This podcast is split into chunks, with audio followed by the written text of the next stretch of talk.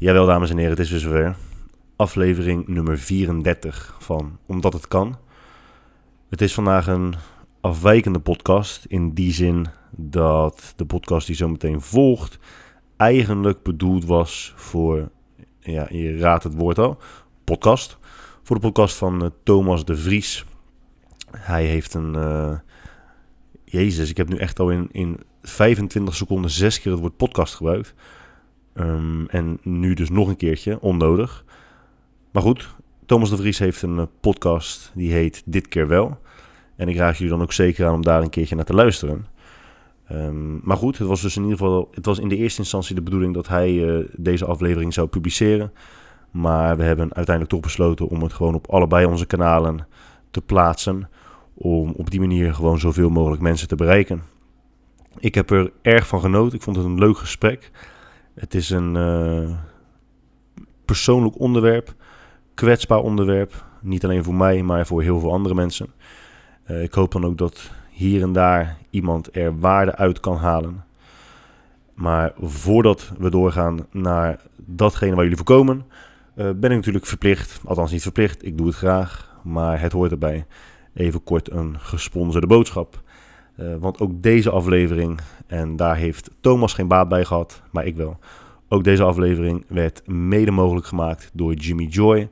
Check voor de lekkerste en de beste maaltijdvervangende shakes jimmyjoy.com en gebruik bij het afrekenen absoluut zonder enige twijfel kortingscode Guy Droog. En uiteraard, ook deze podcast werd mede mogelijk gemaakt door Under Armour.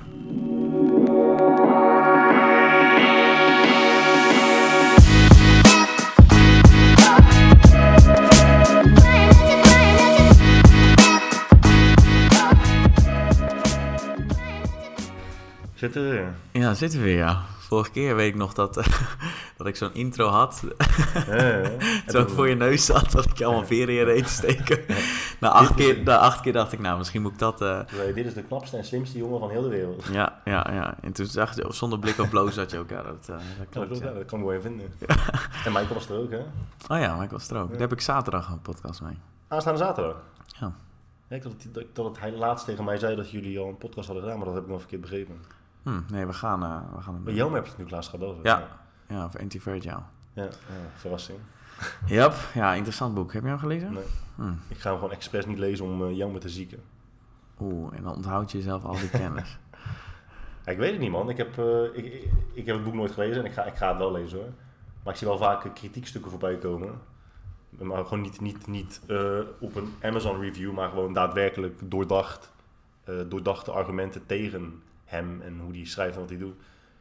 Met voorbeelden erbij. En dan denk ik, oh ja, ja daar zit wel echt uh, heel veel in. Ja. Het schijnt dus, dat weet ik dus niet, want ik heb het boek niet gelezen, maar heel veel mensen vinden dat hij dus dingen zegt van ja, dit is zo, dit is een feit.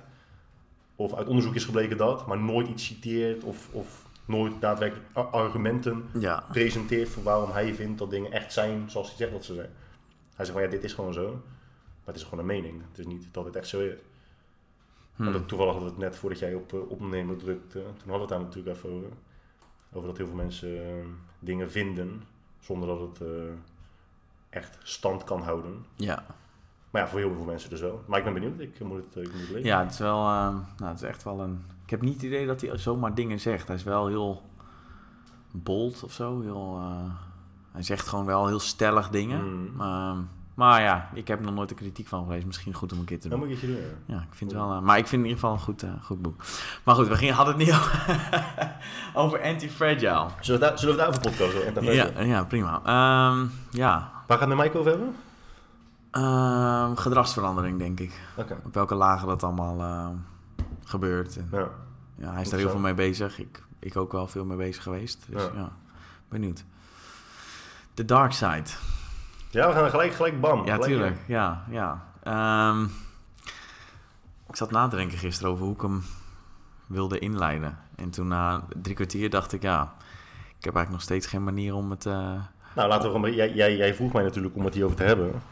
Uh, en als ik mezelf een klein beetje ken, dan weet ik dat als ik me met een bepaald onderwerp bezig hou, dat ik dan ga nadenken, niet, niet, niet alleen over het onderwerp in het algemeen, maar ook gewoon over specifieke vragen. En er zijn niet altijd mensen waar je die vragen mee kunt uh, bespreken. Waar je die vragen mee kunt uh, behandelen, waar je, waar je ermee over kunt filosoferen. Dus misschien heb jij een aantal dingen in je hoofd zitten waarvan je denkt, ja, wat zou ik daarvan vinden? Ja. Wat, zou, wat zou jij doen? Ja, ik heb het idee, hoe meer ik me erin verdiep, dat het echt belangrijk is om daarover na te denken. Over de schaduwkant van de mens. Over de, dat je misschien wel in staat bent om hele verkeerde dingen te doen. Ja, nou, dat is dus de vraag. Dat is dus, ik heb het idee, mijn gevoel zegt het is belangrijk. Alleen waarom? Kan niet plaatsen. Hmm, ja, dus mijn, waar ik allereerst nieuwsgierig ben naar jou is... waarom heb je er überhaupt interesse in? Wat is hetgeen dat jou erin... Zullen we eerst uitleggen aan... Uh, of, wil jij dat doen? Zal ik dat doen? Waar, Mag jij doen. Mag jij het over hebben? Dus uh, nou ja, het, het, spreekt natuurlijk wel een beetje voor zich. De, dark side, ik bedoel, als je naar de dark side refereert, denken de meeste mensen gelijk aan... Uh, is het Star Wars? De dark side? Ja, ja, ja. ja. Um, dus de meeste mensen weten wel ongeveer wat je bedoelt als je het hebt over de dark side. Uh, maar je hebt natuurlijk ook gewoon de dark side van, van jezelf, van je eigen persoonlijkheid. Um, er zijn dus veel mensen die stellen dat iedereen een dark side heeft. Um, en dat is, dat is eigenlijk de onbelichte kant van je persoonlijkheid. Het is niet eens per se negatief. Hè? Het is niet, niet eens per se dat de dark side van je persoonlijkheid betekent dat er een moordenaar in je rust of een verkrachter. Het, is gewoon de, het zijn de eigenschappen die je hebt die tot nu toe voornamelijk onbelicht zijn geweest. Hmm. Dus het zijn gewoon de plekken in jezelf waar je het liefst niet zoekt. Uh, en dat kan inderdaad, dat kan ook betekenen dat je kunt het tot de extreme trekken en dus wel een moordenaar in je vinden. Maar een, een, een, een meer onschuldig voorbeeld zou kunnen zijn. Neem bijvoorbeeld uh, mensen die vrijgezel zijn. Heel veel mensen die vrijgezel zijn, die zeggen: Ja, weet je wel, hij begrijpt me niet, zij begrijpt me niet. Het ligt aan hem, het ligt aan haar. Ja. Maar ze keren nooit in zichzelf om plekken te belichten, eigenschappen van zichzelf te belichten, die er wellicht voor kunnen zorgen dat ze vrijgezel zijn. Heel veel mensen zeggen: Ja, niemand begrijpt me. Ja, misschien omdat je gewoon onbegrijpelijk bent. En het vergt natuurlijk best wel wat lef om gewoon eens een avondje te gaan zitten en jezelf in de spiegel te kijken en na te gaan denken over: oké, hoe denk ik normaal gesproken over mezelf? En zouden er kanten kunnen zijn die ik dus gewoon, waar ik me niet bewust van ben, zouden er eigenschappen kunnen zijn waar ik nog mhm. nooit stil bij heb gestaan. Door heel veel mensen kunnen dus met heel veel moeite uh, zeggen wat zij denken dat er mis met ze is. Dus als ik aan jou vraag, ja, wat zijn jouw negatieve eigenschappen? Nou, jij zal dan een uitzondering zijn en dat wel kunnen vertellen. Uh, maar, ja, maar de meeste mensen kunnen dat niet heel goed. Andere mensen kunnen wel makkelijk over jou vertellen wat jouw slechte eigenschappen zijn. Maar zelf kijk je daar gewoon niet naar. En dat is eigenlijk gewoon de dark side, de onbelichte kant. Um, en inderdaad, daar gaan we natuurlijk wel zo meteen over hebben. Jordan Peterson trekt het dan vaak door tot de extreme. En die heeft dan over, over, over de, de nazi's en de gulags en zo. Ja. Um, dat, dat is ook één kant. Maar goed, in principe is dat eigenlijk wat het is. Gewoon de onbelichte kant van je, van je persoonlijkheid. Ah, nee, zo had ik hem nog niet.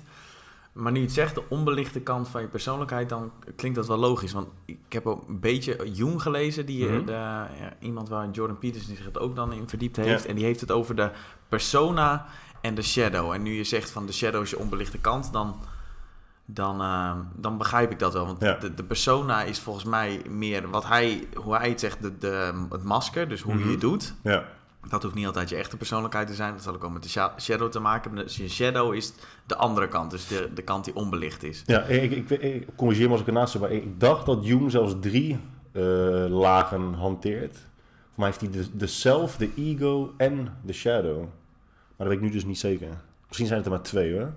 En dat is inderdaad de ene wat je op de voorgrond plaatst. En dat is dan ook volgens hem, en ik kan me daar wel in vinden, is echt maar een fractie van het geheel. Ja. En dan is de shadow is echt het, de overgrote meerderheid van, van, van wie je bent. Maar op zich zou het wel logisch zijn als je... Je hebt de persona, dat is een beetje het masker. Dus dat is de, wat je niet bent. Dan heb je de zelf, dus je echte zelf. En de shadow, dus dan heb je die twee. Dus dan denk ik dat het... Dan is misschien wel de, de persona, zelf en de shadow. Ja. ja, voor mij noemt hij het dan ego. De ego, de self maar die twijfel ik. Dat zou kunnen. De ego en de persona zou hetzelfde kunnen zijn. Ja. Uh, maar goed, waarom jij dus denkt... Waar, ik ben nu benieuwd naar waarom jij denkt dat het dus belangrijk is. Ik denk dat namelijk ook. Um, waarom denk ik dat het belangrijk is? Ik denk dat het je... En dat is ook wel in lijn met wat Jordan Peterson zegt. Dus ik denk ook dat ik het daarom vind.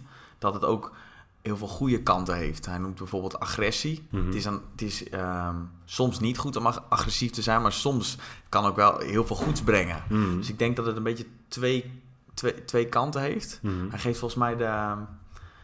analogie van Harry Potter. Harry Potter is zeg maar niet alleen maar een heel lief gozertje, is ook een beetje een dondersteen. En daarom kan die ook eh, bijzondere dingen doen, zeg Ja. maar. Ik, ik weet niet of dat duidelijk maakt. Ehm, Ehm, Ja, kijk, ik heb tegen mijn podcast... eh, in mijn podcast, in een andere aflevering... heb ik het ook wel eens over gehad. Dat ik vind het heel belangrijk dat mensen een, eh, een volledig beeld hebben van, van de realiteit. Oké. Omdat heel vaak als jij iets beoordeelt in het leven... is dat op basis van je eigen referentiekader. En het Ja. helpt dan als je referentiekader zo volledig mogelijk is. Ja. Ehm, als jij nu naar buiten kijkt, net zoals ik heel de tijd doe, want ik ben altijd heel snel afgeleid. En jij ziet dat eh, een, een oud vrouwtje wordt overvallen. Ja. Dan is het heel logisch om te zeggen dat dat heel erg is. Dat is ook heel erg. Er zijn mensen die zoiets zien en herstellen daar gewoon heel moeilijk van. Ik ken mensen die hebben dingen meegemaakt in het leven die over het geheel gezien niet heel erg erg waren. Niet traumatiserend in ieder geval. Maar zij eh, ervoeren dat op dat moment wel zo. En dat heeft ook gewoon te maken met wat je tot nu toe gewend bent en hebt meegemaakt. ja. En als jij van zoiets eh alledaags eigenlijk bijna, ja, het klinkt heel gek, maar het gebeurt wel elke dag. Mhm. Als een oud vrouwtje die overvallen wordt, zo getraumatiseerd raakt dat je denkt, ja, dit is echt een van de ergste dingen die ik ooit heb gezien. Dan heb je echt geen flauw idee hoe fucked up de wereld is. Oh, wat grappig dat je dat zegt, Jan. Want dat is wel... Ik heb niet zo heel veel, godzijdank, meegemaakt. eh, mm, overlijden in, in mijn directe familie en zo. En zich wel een eenvoudige jeugd gehad. En. Hmm. Dus ik denk dat het misschien daar ook wel... Ik vind ook films over ehm, oorlogen en hoe, de, hoe erg de wereld is, hoe fucked de wereld... Vind ik, dat trekt me aan. Ja, ja, ja, en ik denk dus als je, als je dus in je eigen, in, je, in, je- in jezelf zoekt, kijk als je een film kijkt, heb je nog steeds een afstand. Er zit er nog steeds een kloof tussen. En het in jezelf zoeken, eh, de, de slechte eigenschappen van jezelf durven te belichten, ja, dat, ondanks dat het, dat het heel confronterend is en zelfs gewoon in, in, in sommige gevallen zelfs traumatiserend. ehm, want- Zegt hij ook, hè, dat dat traumatiserend kan zijn. Dat ook de reden is dat mensen ervoor kiezen om het niet te doen. Dat het ja, ja, is het, ja, absoluut. Maar zeg je dan dat, dat het hetzelfde kan zijn? Dus je eigen negatieve, slechte eigenschappen belichten? Dat het even traumatiserend kan zijn als een ongeval zien of een, iemand in je directe Jazeker, ik denk, ik denk zelfs nog wel meer. Ik bedoel, volgens mij eh, Ja, ja. zegt hij dat ook in een van zijn lectures. En ik wist dat ook niet, ik heb dat nog nagezocht daarna. Dat inderdaad de meeste gevallen van eh, posttraumatisch stresssyndroom worden veroorzaakt niet door wat men overkomt, wat ze zien, maar door de, de eigenschappen in zichzelf die naar boven komen. Dus soldaten die posttraumatisch stresssyndroom eh, oplopen, dat komt meestal niet, het kan wel zo zijn, maar het komt meestal niet omdat ze dan iemand vermoord zien worden. Het komt omdat ze zelf tot een punt worden gepusht dat ze iemand moeten vermoorden. Dus de, de realisatie van hoe je kunt zijn is veel meer traumatiserend Hmm. dan eh, dingen zien gebeuren. En dat, is, eh, en dat is interessant. Maar dan nogmaals heb je het wel over de extreme. Maar ik denk dat het wel echt voor heel veel mensen een, een openbaring kan zijn van ja, dit is dus ook hoe ik kan zijn, hoe ik regelmatig ben. En dit zijn, wat, dit zijn de gevolgen Ja. in het alledaagse leven Ja. van dat gedrag. Ja. Waar ik me nooit bewust van ben geweest. Ik denk dat dat iets, wel iets heel. eh, hoe noem je dat? Voor verlichting zorgt. Voor, Ja, eh, dat zeggen ze, dat, dat het de eerste stap is naar een soort van verlichting. eh. Ja.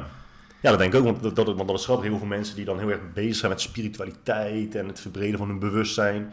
Die kijken ook alleen maar naar dingen die ze dus interessant vinden aan zichzelf. Ik ben de naam kwijt. Elke keer als ik het over, over horoscopen heb en astrologie heb, dan vergeet ik de naam van dat psychologische effect. Maar er is dus een psychologisch effect dat als jij je horoscoop leest, dan lees je alleen maar de dingen die je wilt lezen. Dat is logisch. Daarom werken horoscopen voor Ja. heel veel mensen. Ja. Want dan heb je zo'n tekst en dan zo'n stuk. Ja, ik weet niet wat het effect... eh, Nee, ik ben, nee, ben, ben ik nou is het een bias of eh, Het is, het is in principe een bias, ja. ja. confirmation? eh? Nee, dat, die is het niet. Maar ehm, dat is dus hetzelfde met, met het verbreden van je, eigen, van je eigen bewustzijn, van je eigen persoonlijkheid. Je gaat, je gaat kijken naar wat zijn mijn positieve eigenschappen en hoe ga ik die nog meer in het leven naar voren pushen. En daar word je natuurlijk in, in enabled door mensen om je heen die dat ook altijd alleen maar benoemen. Van wat, Ja. zijn, je, wat zijn je goede eigenschappen? Ja, Even los van eh, als je in een relatie zit met een, eh, met een vrouw, dan Ja. is het natuurlijk wel anders. Dan word je elke dag gewezen op je slechte eigenschappen. Yep. Zei jij hè? Waarom vind jij het belangrijk? Want ik begin een nu een beetje duidelijk te worden waarom het voor mij belangrijk is. Maar ik ben hmm. eerst wel nieuwsgierig waarom het voor jou... Oh ja, dus dat, ja, dat, dat wilde ik net zeggen toen ik weer afdwaalde in een paar afleveringen van podcast. Ja, dus het gaat, het gaat mij om een, een totaal plaatje hebben van de realiteit. Ik vind het voor mezelf, ik oordeel niet over anderen, ik vind het voor mezelf een, een hele kwalijke vorm van naïviteit. Als ik dus niet weet hoe de wereld in elkaar steekt. Ongeveer, want je zult het nooit helemaal weten. Maar je kunt wel je best doen om het zo goed mogelijk te weten. Om het zo goed mogelijk voor jezelf in kaart te brengen. En onderdeel daarvan is jezelf. Ik kan wel heel stoer lopen verkondigen dat ik precies weet hoe de wereld in elkaar zit en wat er allemaal gebeurt. En economie en politiek en weet ik wat allemaal. Maar als ik niet eens in mezelf kan keren om iemand anders te vertellen, nou dit zijn mijn negatieve eigenschappen, dit zijn mijn goede eigenschappen, dit is wat ik vaak fout doe. 100% mee eens. En zeker als de onbelichte kant dus hoogstwaarschijnlijk de grootste kant is, um, vind ik dat je jezelf tekort doet als je, als je daar niet regelmatig mee bezig bent. Ja. Ehm, maar wat we net al bespraken toen we, voordat we gingen opnemen. Het is leuk om dat met mensen te bespreken. Alleen de meeste mensen staan daar aan niet voor open. En nou, het is niet alleen dat ze er niet voor openstaan. Ze zijn zo snel in het afkeuren van het idee dat een gesprek voeren onmogelijk is. Ja, ja dit herken ik zelf ook. Zeker met dit onderwerp, dit soort onderwerpen. Ja. Dus um, nou, ik ben van Joodse afkomst. Hè. Mijn moeder is uh, Joods, dus dan ben ik automatisch ook Joods. En ik heb het ook eens met haar besproken, weet je wel. Van, nou, stel je voor dat jij zou, de rollen zouden omgedraaid zijn. Jij bent niet een van jouw familieleden in het concentratiekamp, maar jij bent een van de Duitsers. Ja. Um, kijk, los van wat uh, Hitler, los van alle slechte dingen die Hitler heeft gedaan, heeft Hitler ook gewoon dingen gedaan die destijds goed waren voor Duitsers. Dus dat hij, dat um, supporters kreeg, is niet altijd even gek. Het, nou, laat ik het anders zeggen, het, het, is te verklaren. Het is op een duidelijke manier te verklaren. Ja. En het is natuurlijk ook, hoe fucked up het ook is, het is bewonderenswaardig. Dus ik stelde die vraag destijds aan mijn moeder van, ja, maar stel je voor, de rollen zijn omgedraaid en jij zou dus een Duitser zijn die er absoluut van overtuigd was dat dit de manier is om jezelf, je familie, je, je toekomst veilig te stellen. Zou je dan kunnen voorstellen dat jij ook tot dat soort kwade dingen in staat zou zijn? Ja. Dat ging niet in, hè? Nee, Ja, die, die keek me aan van alsof ik echt gek was. En ik snap dat het, is een heel fucked up idee. Ja. Maar wel, uh, wel heel, ja, het is wel, het is wel interessant. Maar dat, dat zegt um, Jordan Peterson ook, dat je, dat hij die boeken om Hij las over uh, boeken over de Tweede Wereldoorlog en over de gulags. Dat zijn die uh, concentratie- of kampen in, uh, in Rusland. Hij zei, ik, wat ik op een gegeven moment deed, is die boeken niet lezen als het slachtoffer, maar als degene die de misdaad pleegde. Dus al die hmm. slechte dingen deed. En zei, dat moet, dat moet je ook eens doen. En dan probeer ik dat. Dus ik, ik zat gisteren nog een film te kijken over de um, Tweede Wereldoorlog, over de concentratiekamp. En dan probeer ik me dat in te denken. Dan vind ik dat echt ingewikkeld. Denk, ja, ik weet echt niet. Maar als je me zou vragen, jij, je familie of iemand anders, hmm. dan kan ik die beslissing denk ik makkelijker maken. Als er zo'n... Als er zo'n en, maar ik denk dat veel mensen dat wel hebben. Ik weet niet of dat nou... Nou, nee, want kijk, ik denk... Uh, om weer gewoon even een, een, een makkelijker alledaags voorbeeld te gebruiken. Mm. Neem bijvoorbeeld uh, mannen of vrouwen, maar meestal zijn het denk ik vrouwen, is misschien een aanname, maar ervan uitgaande dat het waar is, uh, die one-night stands hebben. Vaak zal één van de twee zeggen, ja, dit doe ik normaal nooit. Oh, dit, hier heb ik ook over nagedacht. Deze heb ik ook opgeschreven. Of, of, of, kinderen die dan iets doen uh, waar de ouders dan bij zijn en daarvan verrast zijn. En dan zeggen, oh, dit doet hij normaal gesproken nooit. Maar de genuanceerde variant van die uitspraak is... Heeft, er hebben zich nooit omstandigheden voorgedaan waarin hij zo ver is gepusht om dit te doen. en, dat is, en dat is dus ook met een moordpleger zo. Heel veel mensen kunnen wel zeggen, ja, ik zou nooit een moord plegen. Ja. Ja, nee, je bent gewoon nooit tot, tot het punt gedreven dat, je, dat je dat als enige optie zag. Ja, ik heb vreemd gaan is voor, voor veel mensen best wel een. Daar, hoor ik, daar praat ik wel. Dat, blijkbaar is dat een thema voor mensen. En als je. Ik hoor heel veel mensen zeggen: ik zou nooit vreemd gaan. Nee, dat zou ik echt nooit doen. Hmm. En het gemak waarmee ze dat zeggen. Ja. Dan denk ik altijd, daar heb je niet goed over nagedacht. Hmm. Want er is altijd bij iedereen een moment dat je vreemd zou kunnen gaan. En uh, als je er niet over nadenkt, dan kan dat ook gewoon gebeuren. Als de, dan, ik hoor wel eens over Tiger Woods, dat hij volgens mij heeft hij een heel harem aan vrouwen met wie hij vreemd ging. En dan hoor ik mensen van, ja, dat zou ik echt nooit doen. Nee, maar gast, jij hebt ook geen tienen die de hele dag om je heen lopen en zeggen dan, je mag alles met me doen. ja, en dan, ja, nee, dat zou ik nooit doen. Nee, je, je kan je dat helemaal niet voorstellen. En als het dan gebeurt, als dan iemand vreemd gaat... en ik hoor dan, ja, dat gebeurde gewoon... denk nee, dat gebeurde niet gewoon. Je hebt alleen niet nagedacht over al de stapjes die, kun, die er voor, aan vooraf gaan, waardoor dat uiteindelijk kan gebeuren. Als je daarover nadenkt, dan weet je bij de eerste beslissing die je neemt, van nou, als dit, dit, dit, dit gebeurt, dan zou het kunnen gebeuren. En nu begin ik ook een beetje, waarom ik het belangrijk vind, sommige dingen moet je gewoon doordenken, anders overkomt het je inderdaad gewoon. Ja, um, ja daar ben ik het ook mee eens. Ik denk ook, uh, ik heb het ook eens met mijn vriendin over. Uh, toevallig hebben we het ook regelmatig over vreemdgaan. En dat is dan omdat ik het ook over, in mijn podcast heb over vreemdgaan. Waardoor zij denkt dat ik heel veel bezig ben met vreemdgaan. Maar laat zij ook tegen haar. Ik zei ja, ik ben ook heel veel bezig met uh, uh, spreken over seriemoordenaars en psychopaten. en ik verzeker je dat ik echt niet uh, overweeg nee, om iemand te nee, vermoorden. Nee. Misschien wel. zeg ik tegen. Dus, um, kut, wat, wat was mijn punt nou? Over dat het, als je er niet over nadenkt, dat het dan... oh ja, ja, ja. Dus ik zei laatst tegen haar, ik zeg, iedereen in de westerse wereld zal altijd tegen zichzelf zeggen, oké, op het moment dat mijn partner vreemd gaat, dan ga ik 100% zeker weg van hem of haar. Dat is wat de meeste mensen tegen zichzelf zeggen. Ja. Als mijn partner vreemd gaat, is het voorbij. Ja. Dus ik zeg tegen mijn vriendin, wat nou als je het gewoon omkeert? Wat nou als iedereen gewoon tegen zichzelf zegt, oké, als mijn partner vreemd gaat, dan ga ik er alles aan doen om het niet alleen te begrijpen, maar ook om het gewoon weer op te pakken en het beter te maken. Want veel relaties worden ook beter nadat een van de twee naar ver heeft gehad. Is het zo? Ja, ja. Dus uh, toen zei ze, nou oké, ja, daar zit wel wat in, maar nog steeds kun je geen controle krijgen over de emotie die zo'n situatie losmaakt. Maar ook daar ben ik het niet mee eens, want ik denk echt wel, het, het, is, het is uiteindelijk is het, het, het conditioneren van het brein over een hele lange periode. Het is niet zo dat als jij nu een week lang tegen jezelf zegt: Oké, als mijn vriendin door iemand anders wordt genaaid, dan zal ik daar niet een negatieve emotionele reactie op krijgen. Nee. Als je dat een weekje doet, dan zal er niks veranderen. Uh, maar over de jaren heen denk ik echt wel dat, dat uh, Fuck. je daar echt heel anders in kan, uh, kan gaan staan. Dat je er anders over na gaat denken. Dat, dat geloof ik wel echt. Ben je, maar ben je het ermee eens dat als je daar van tevoren over nadenkt dat iedereen dat kan en dat je dus blijkbaar zelf ook vreemd kan gaan, dat dat de kans vermindert dat je het daadwerkelijk gaat doen? Dus het erkennen van dat het een mogelijkheid is, als je daar goed over nadenkt, wat de randvoorwaarden zijn, dat is misschien wat minder, je, um, minder met je relatie gaat, als het toevallig alcoholspel is, als het mm. echt iemand is waarvan je denkt, nou, dit is wel, deze vind ik echt, echt mijn type, zeg maar, dat als die al die um, um, sterren in de, in de, juiste richting staan, dat het dan kan gebeuren. Als je dat erkent bij jezelf, dat de kans dan minder groot wordt dat het gebeurt. De kans wordt minder groot, ja. In theorie wordt de kans minder groot. Maar inderdaad, wat je, je denkt, zegt, je denkt niet eh, dat alcohol, alcohol is vaak in het spel. Mm -hmm. uh, dus dan zou je alleen maar, met die logica, zou je dan wel... Dan zou je moeten zeggen, oké, okay, dan drink ik ook geen alcohol meer. Want dan zou de kans vergroten dat ik straks later op de avond misschien wel vreemd ga.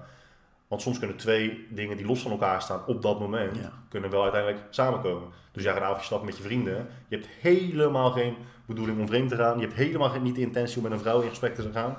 Uh, waardoor je dus kunt stellen, nou ja, ik kan gewoon gaan drinken. Maar als je op een gegeven moment 12 kilo op hebt en opeens komen die twee situaties samen. Mhm. En dan kan je natuurlijk wel maanden van tevoren hebben gedacht, ja, ik erken dat ik vreemd kan gaan. En dat alcohol, als alcohol erbij betrokken is, dat dan de kans vergroot.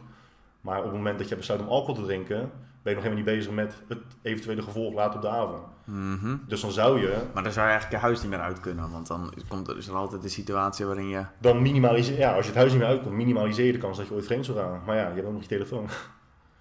Maar goed, dat zijn, het zijn in ieder geval wel allemaal dingen om het te minimaliseren. Maar goed, ik vind altijd uh, de uh, ja, interessantere vraag voor mij vind ik zelf altijd... Um, waarom? Weet je, waarom doen we dat allemaal? Of waarom doen we het allemaal niet?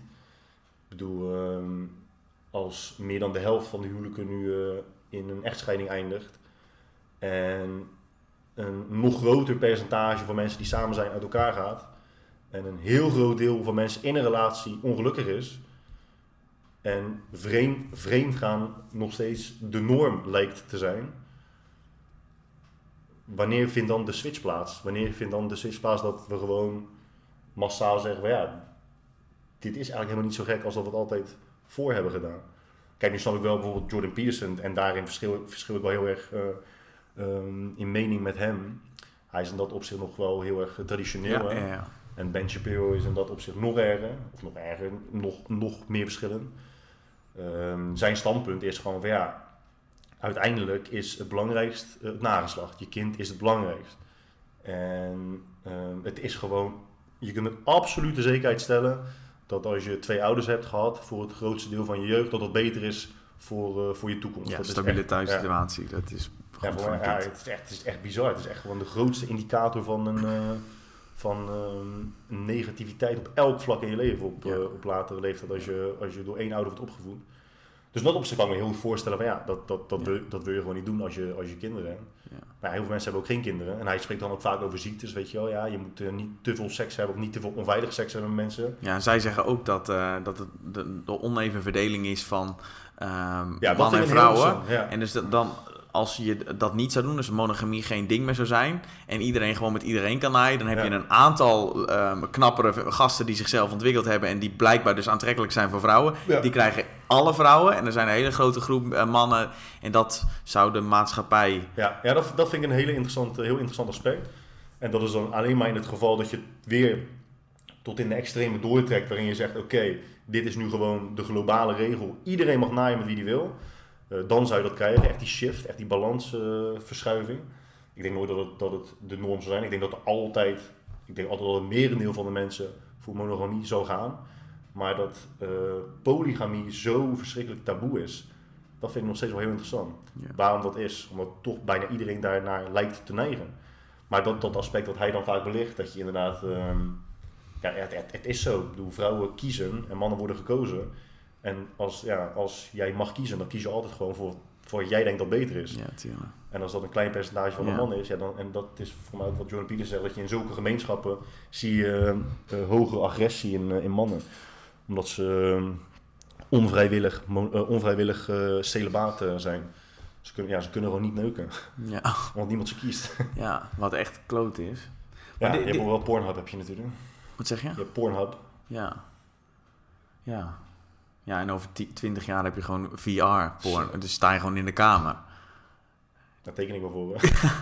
Ja, dat maakt het... hele dag op bed liggen. Maar god, dat, dat wordt wel echt een andere... Goed, maar hoe kunnen we dit nou terugleiden? Want hij heeft het hier ook wel over, Jordan Peterson, als hij het over de, eh, de dark side heeft. Dat hij, dan heeft hij het over beta, beta-gasten uit Beta en films. alfa's, ja. Dan heeft hij het over beta-gasten die dan heel lief proberen te zijn. En dan een soort van masker op hebben. Van, oh, dit, kijk mij eens. En dat dat niet werkt. Dat vrouwen daar niet aangetrokken tot worden. En juist de mannen die gewoon ook een duistere... Weet, Beauty and the Beast. De Ja. beauty wil niet alleen de, de, de prins, maar die wil het monster die ook de prins kan ja, zijn. Ja, ja. Eh, ja, ik weet niet precies wat zijn standpunt daarover is. Eh, misschien heb ik het ooit voorbij zien komen, weet ik niet. Maar ik hou me daar zelf ook wel, eh, wel regelmatig mee bezig.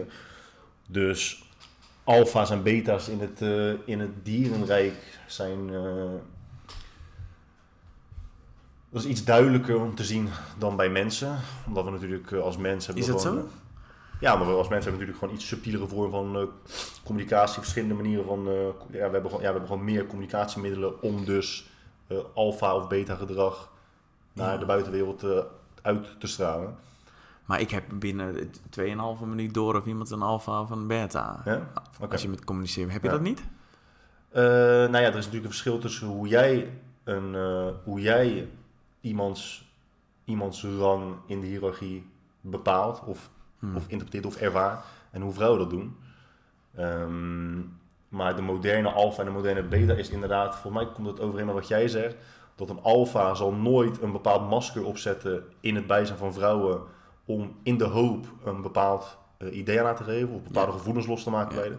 En een, en een beta is inderdaad gewoon een man die, ja, die heeft gewoon honderd maskers in zijn rugzak zitten. En zet, zet altijd een ander op in de hoop iets los te kunnen maken Ja. bij een vrouw. Ja. En niet eens, niet eens iets los te kunnen maken eh, in de hoop dat hij niet op te veel teentjes zal trappen Ja. of, iets, eh, of iets verkeerds zegt. Ja. En dat hebben vrouwen heel, heel snel door. Heel snel door. En, dat is, en dat is ook echt wel heel, heel onaantrekkelijk. Maar zowel voor mannen als voor vrouwen is dat onaantrekkelijk. Maar het is toch grappig dat je juist door niet geen concessies te doen aan wie je bent, maakt dat. Want dat zegt hij volgens mij ook. Dat ehm, heel veel vechters in MMA is dat ook een ding. Dat, dat leren ze ook bij als een, als een, nou ja, als er iemand nieuws komt die wil eh, een vechtsport leren, dan wordt er aangeleerd van we leren je om te vechten, Hmm. maar je moet er alles aan doen om niet te hoeven vechten. Ja, ja, ja. En dat je dus kan vechten, maakt in heel veel situaties ook dat je niet hoeft te vechten. Want als mensen, als er een gast die, die wil vechten met jou en je laat geen angst zien, dan denkt hij, oh, misschien moet ik even oppassen. Want deze gast is niet bang, die zal wel weten hoe die moet vechten. Ja, zelfvertrouwen helpt, eh, helpt wel. Maar ja, zelfvertrouwen is ook weer zo'n dingetje. Want in eh, 2019 en alle jaren hiervoor lijken we echt heel moeilijk het verschil te kunnen zien tussen arrogantie en zelfvertrouwen. Als je al een klein beetje zelfverzekerd bent in Mm. Nederland, dan word je bijna direct als, als arrogant bestempeld. Maar even los, los- terug naar, naar wat je net zei. Dat als je eigenlijk geen concessies doet op wie je bent, dat dat dan vaak al eh, voldoet. Maar goed, dat zou dus wel betekenen dat jezelf zijn altijd genoeg is. En jezelf zijn is in de meeste gevallen eh, niet genoeg.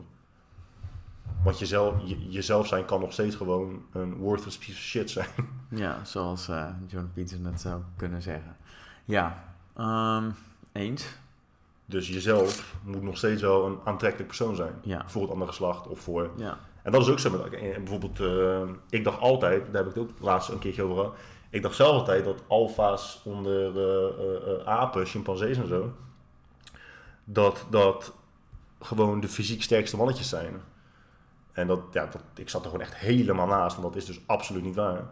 Dat je, in, eh, dat je bij eh, apen zie je ook nog heel veel politieke correctheid, weet je. Mhm. ze, gaan, ze gaan heel veel met, de, met verschillende vrouwen om, ze Ja. gaan heel veel met de kinderen van andere Ja. mannetjes gaan ze om. Zo, je moet echt leuk gevonden worden door zoveel mogelijk mensen. Wil je dus alfa kunnen worden. ja. En als je dus aan de macht komt door alleen maar fysieke kracht, wat ook nog wel eens gebeurt, dan ja, ben je binnen no time word je gewoon afgemaakt. ja want er zijn er waarschijnlijk drie die samenspannen en dan pakken ze die. Ja, Heb je wel eens gezien? Joe Rogan heeft natuurlijk altijd over chimps. Ja, ik heb hier wel... Altijd, eh, Joe Rogan. hij, kan, hij kan echt geen podcast opnemen zonder chimps te noemen. Echt, hè? Die normaal. Maar goed, op zich... chimps, man. Hij heeft dus, je moet echt een keertje kijken, video's van eh, chimps die andere chimps afmaken. Zo, Het gaat met een kracht dat is waarschijnlijk. Ja, dat is echt wel heftig hoor. Je stomp je gewoon helemaal totaal los. En als je dan dood bent, blijven ze nog even doorgaan.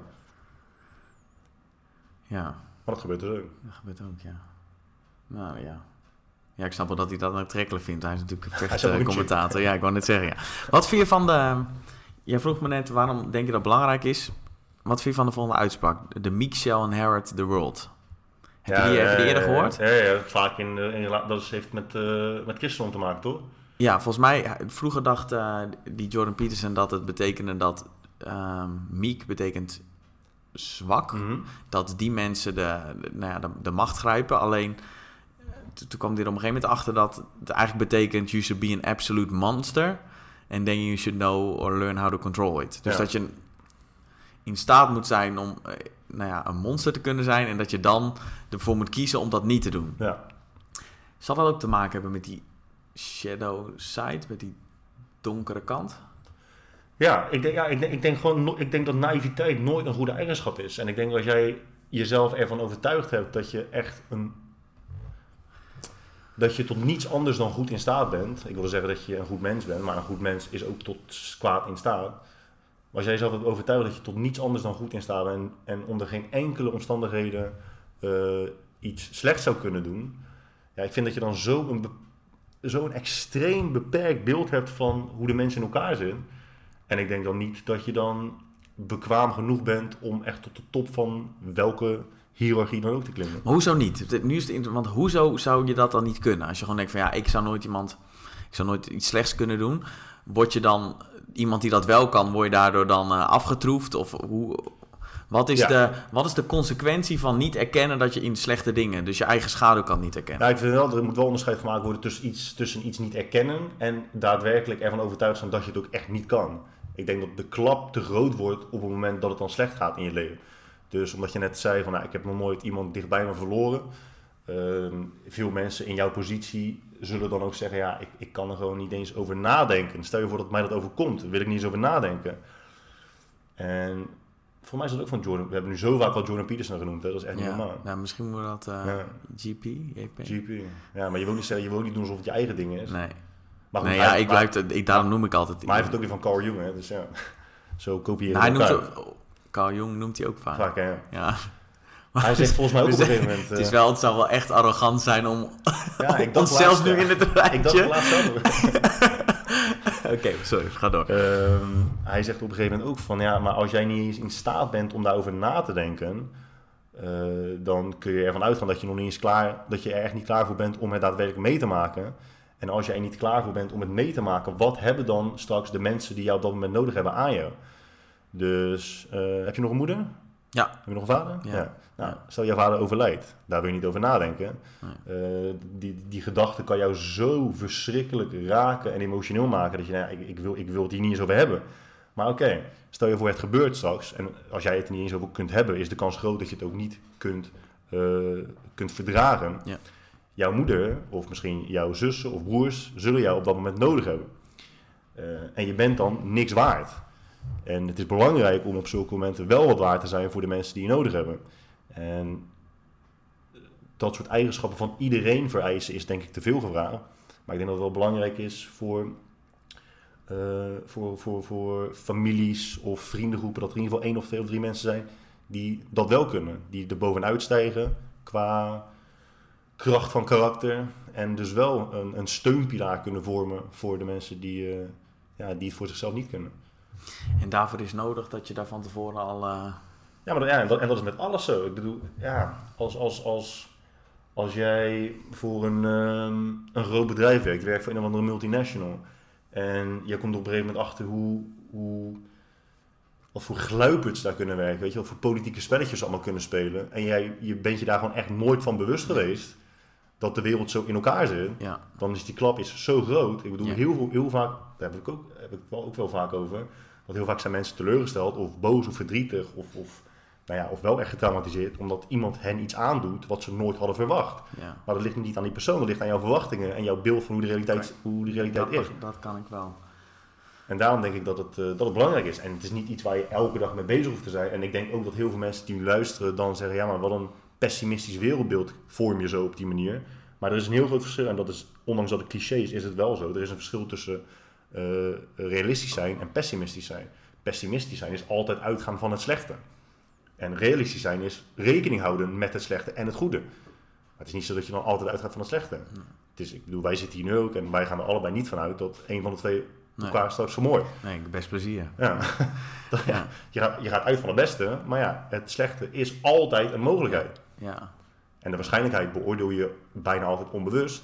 Maar om je er af en toe bewust mee bezig te zijn, kan ook geen kwaad. Ja. Ik heb dit... Uh, ik heb vroeger veel uh, uh, verkoop gedaan, sales gedaan. En dan merk je op een gegeven moment dat er in een gesprek... dat er altijd een bepaalde dynamiek is... en dat je op een gegeven moment een beetje leert te sturen. En dan word je pas bewust hoe erg dat is in gesprekken. Mm. En op een gegeven moment leer je dat dan ook een beetje te, te controleren. Maar als je dan op een gegeven moment was ik een beetje in staat om zo'n gesprek, ook als ik sales deed, maar ook gewoon überhaupt een beetje te kunnen sturen. En op een gegeven moment kon ik er ook voor kiezen van ja, weet je, het boeit me niet zoveel als iemand probeert heel erg uh, nou ja, de, overhand, te, de, ja, de overhand te krijgen. Dan laat ik dat maar gewoon.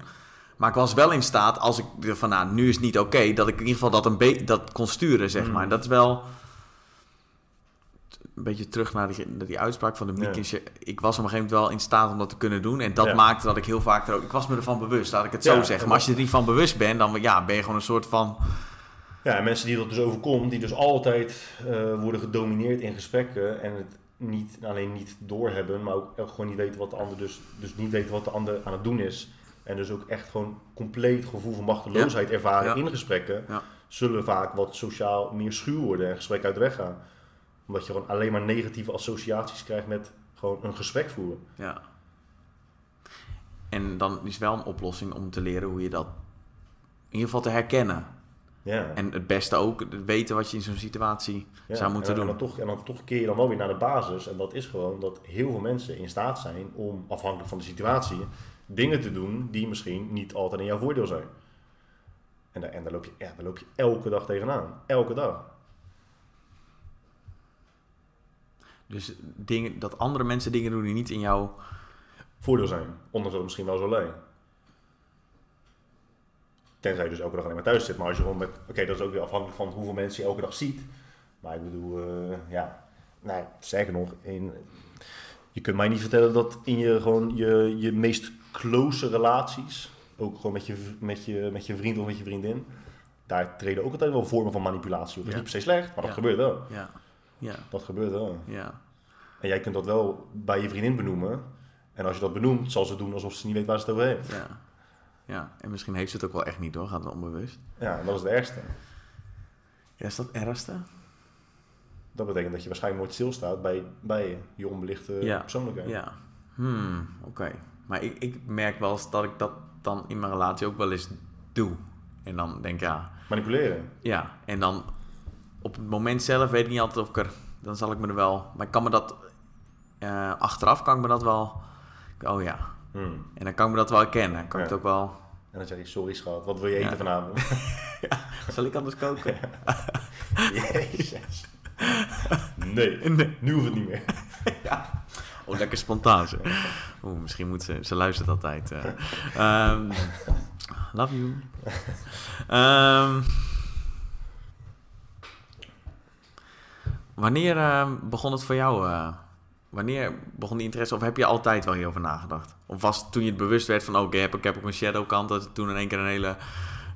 ehm, wereld voor je open ging? ehm, ik had deze vraag, ik weet niet waarom, ik had deze vraag verwacht. En toen ik die vraag, toen ik hem in mijn hoofd beantwoordde, dacht ik van, zal ik de waarheid spreken of zal ik gewoon een of ander lulverhaal ophangen? Omdat eh, de waarheid is best, is best heftig. Ik heb het echt nog nooit verteld. Ik heb het denk aan drie mensen op zijn leven verteld. En ik ben ook benieuwd of de personen die er destijds bij betrokken waren, of die het nog weten. Ik denk het niet. Als mijn moeder dit hoort, dan krijgt ze denk ik een hartaanval. Maar de waarheid is dat ik denk, ik was denk ik een jaar of vijf of zes. En mijn broertje is twee jaar jonger dan ik. En we waren bij eh, een buurmeisje van, eh, van ons destijds. En dat vond ik best een leuk meisje. En mijn broertje was echt... Ik heb best wel veel geduld. Maar als iemand mij dus echt over een grens pusht, dan moet je, dan moet je echt oprecht ver gaan. Het is niet zo dat ik een heel kort lontje ben en gelijk denk, god, zo ben ik niet. Absoluut niet. Dus mijn broertje die was eh, echt heel vervelend aan het doen. Echt. En het stopte ook gewoon niet. Het bleef maar doorgaan, het bleef maar doorgaan. En nu weet ik dat eh, het menselijk geheugen heel onbetrouwbaar is. Dus ik weet ook niet of het daadwerkelijk zo is voorgevallen. Maar zo is het in ieder geval blijven hangen. En ehm, hij bleef doorgaan. En op een gegeven moment, ik weet, ik, weet dat ik, nog, ik weet dat ik letterlijk zwart voor mijn ogen zag. En ik deed mijn ogen open. En ik had hem dus vast. Met een mes op zijn keel. En ja, daar, daar ben ik zo van geschrokken dat ik dacht, wat Ja, wat overkomt mij nou weer? En hoe hij er destijds over dacht, weet ik niet. Hoe hij nu over denkt, weet ik ook niet. Want ik denk ook echt oprecht dat hij het niet meer weet. Ehm, maar op hele jonge leeftijd kwam ik er dus op, die, op dat moment achter dat, dat, dat er zijn dus situaties die gewoon voor kunnen komen. En dit is dan achteraf natuurlijk op volwassen leeftijd kun je zeggen dat het iets heel onschuldigs is. Want nu zou dat niet meer voorkomen. Het is niet zo dat als ik nu, woorden, als ik nu woordenwisseling heb met iemand of woordenwisseling met mijn vriendin heb. Dat ik dan wakker word. Dat er een mes... Ja, nee, want ja, hoe, hoe, hoe ouder je bent, hoe meer middelen je krijgt om om te gaan met bepaalde situaties en met bepaalde emoties. En destijds had ik dat dus schijnbaar niet. Maar ik kwam er zo achter dat, dat je gewoon echt gedreven kan worden tot, tot situaties waarin je jezelf gewoon echt niet terugherkent. En ehm, eh, daarnaast is mijn, mijn vader is, eh, is eh, het merendeel van zijn leven behoorlijk alcoholist geweest. En dan zie je ook gewoon heel erg die struggle tussen eigenlijk twee persoonlijkheden binnen één persoon. Ehm, dat is ook wel ehm, leerzaam. Dat, ja, ja, ja, ik durf wel zeggen dat, het- dat het echt heel leerzaam is. Ja. Eh, maar daarmee leer je wel, ja, jong, dat, dat, dat je wel echt, echt, echt een duistere kant kunt hebben. En dat, en dat is dus het ergste, dat dat niet eens zo eh, uniek is. Het is helemaal niet uniek. Alleen mensen spreken daar gewoon niet over. Ik bedoel, een ander heel simpel voorbeeld. Kijk maar gewoon naar fetish-video's als het om porno gaat. Hoe vaak kom jij iemand tegen in de stad, onder je vrienden, anywhere? Gewoon mensen die in persoon spreekt en die tegen je zeggen: Nou, eh, Thomas, waar ik heel veel van hou is eh, Braziliaanse scheepporno. Niemand zegt dat.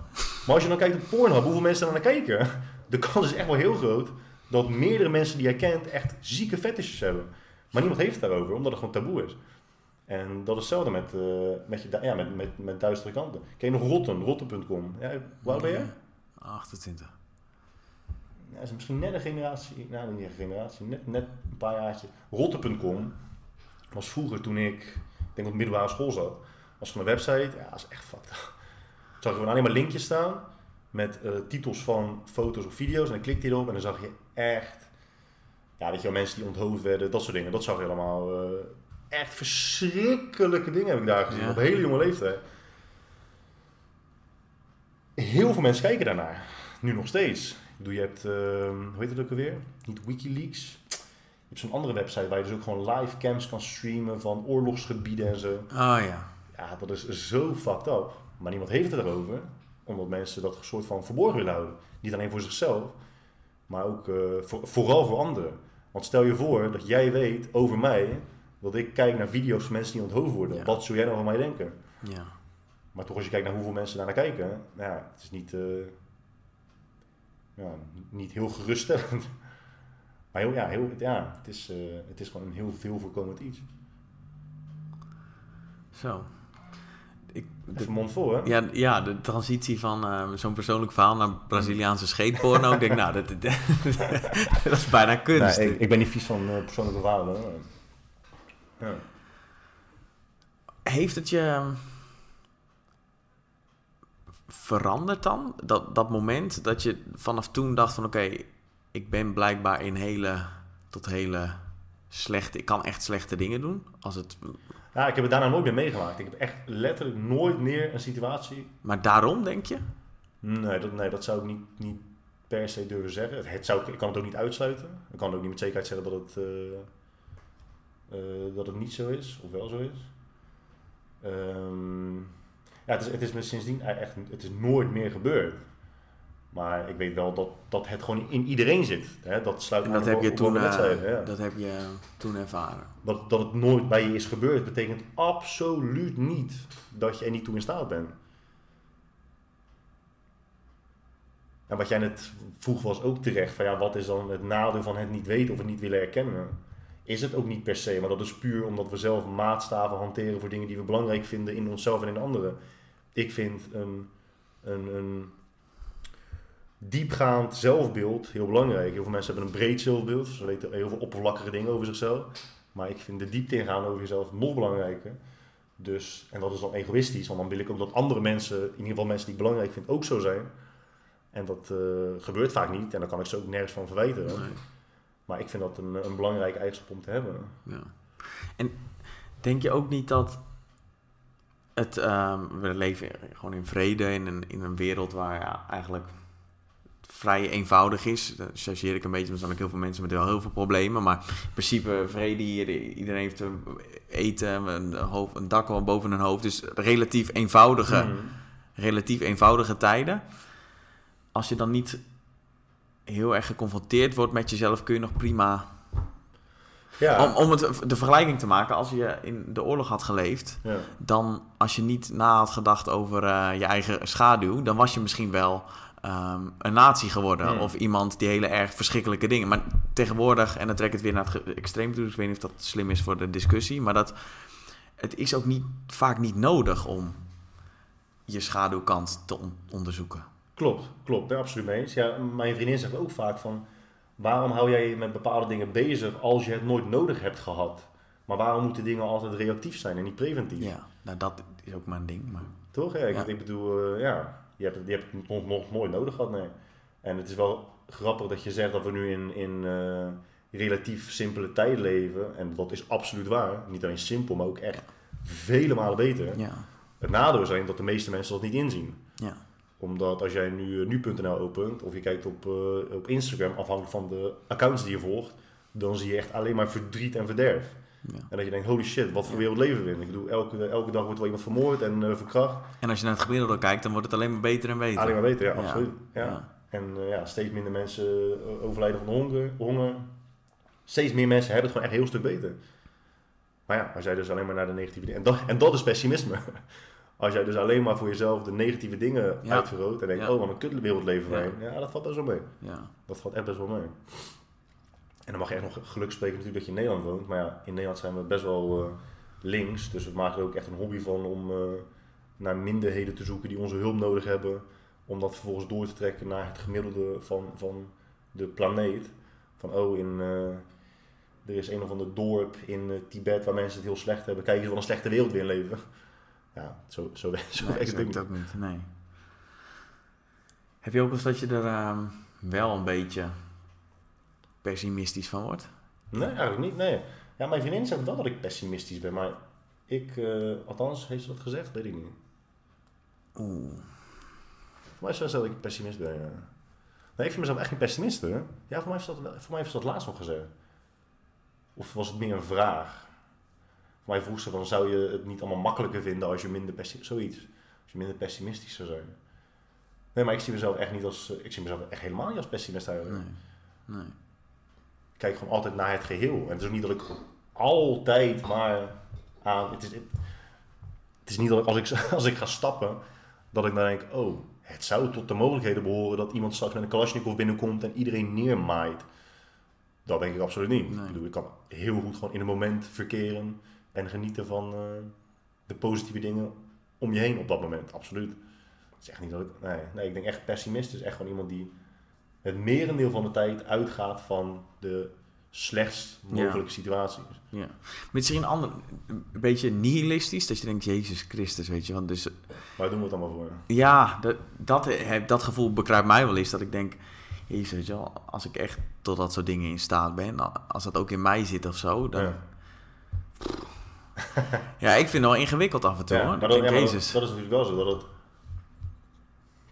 dat je erkent dat je daartoe in staat bent. Um, dat, dat sluit aan op wat jij net zei. Dat vermindert denk ik wel de kans dat het gebeurt. Dat denk ik wel. En dat betekent natuurlijk ook niet dat je het ooit zult gaan meemaken. Ja. Volgens mij, in lijn met dit, op een gegeven moment zegt Jordan Peterson in een van zijn lectures... Um, nobody can be a good person without the capacity for aggression. Mhm. Dat is een... Um, nou, dat, dat stelt hij dan. En vervolgens zegt hij: um, You have to be able to say no. Mhm. En in zijn situatie was er op een gegeven moment een wet, wetvoorstel waarbij je een persoon, nou, je hebt het ook over gehad in een van je podcasts, een persoon bij zijn um, gender genderneutrale naam moest. Ja. Dus dan werd zeg maar in de wet je verplicht dat je de dingen, dingen moest zeggen. En hij vond de freedom of speech, dus de vrijheid van meningsuiting, en de wet, die moeten losstaan van elkaar. Dus hij had ook een video gemaakt van ik ga... Er is niks wat je me kan laten doen om uh, me aan die wet te uh, conformeren. Uh, wat is mijn vraag? ja, doe, doe een poging. Ik denk dat je ongeveer ja, heel even terug naar wat je, wat je uh, daarvoor zei over. Uh, wat zei je? You have to be capable of aggression to oh, be ja, a person. nu snap ik hem. Als je, als je dat niet doet, volgens mij kun je dan ook geen nee zeggen. Ja, Want als je echt nee zegt, dan zegt hij ook, dan ben je, in, dan ben je dus bereid om meer te doen dan de ander. Ja, ja. ja, want als je dus. Ik denk dat de meeste mensen, als ze je uitspraak horen van je moet in staat zijn tot agressie, wil je een goed persoon zijn. Ik denk dat die dan zeggen, absoluut niet mee eens. Ik, ik denk dat vrijwel iedereen dat zal zeggen in de eerste instantie. Zo, nog een keer? Ik, ik had een... Uh, dus ik denk dat de meeste mensen die die uitspraak horen van je moet in staat zijn tot agressie, wil je een goed persoon kunnen zijn. Dat is wat je zei toch? Je ja. have to be capable of aggression to be a good person. Ja. Zoiets. Um, ja, definition of a general moral person. They could do bad things, but they don't. Ja, ja daar ben ik het mee eens. Uh, en dan kan ik een voorbeeld bedenken. Uh, nou ja, jij hebt een kind en je hebt een vrouw en jij loopt buiten en uh, twee gasten die denken, nou weet je wat, ik zal hun eens even te razen nemen. En die beginnen gewoon op je vrouw in te slaan. Wat is in zo'n situatie de keuze van iemand die een goed persoon moet zijn? Dat is, denk ik, vind ik, je familie verdedigen. Ja. Dat ga je in zo'n situatie niet uh, verbaal op kunnen lossen. Je gaat niet zeggen, hé, hey, uh, excuseer mij mannen, zouden jullie misschien uh, een stap opzij kunnen zetten? Want en wij, wij, moet ja, wij willen graag naar huis. Ja. Nee, je moet in staat zijn om dan in zo'n situatie je duistere kant te omarmen en een gebroken bierflesje ergens vandaan te vissen en die gasten gewoon, ja... Daar iets mee te doen. Ja, de denk ik. Dus in zo'n situatie moet je dus inderdaad in staat zijn tot agressie, wil je dus gewoon... Ja goed kunnen handelen naar de situatie. En ik denk dat mensen, ik denk dat er heel vaak gewoon heel veel onbegrip is over de nuances van zulke uitspraken. Dat is hetzelfde als met zo'n andere ding over, uh, over genderneutrale uh, voornaamwoorden. Als hij dat zegt, van ja, ik, ik ga me nooit door de wet laten opleggen om jou met een bepaalde, bepaald voornaamwoord aan te spreken. Mhm.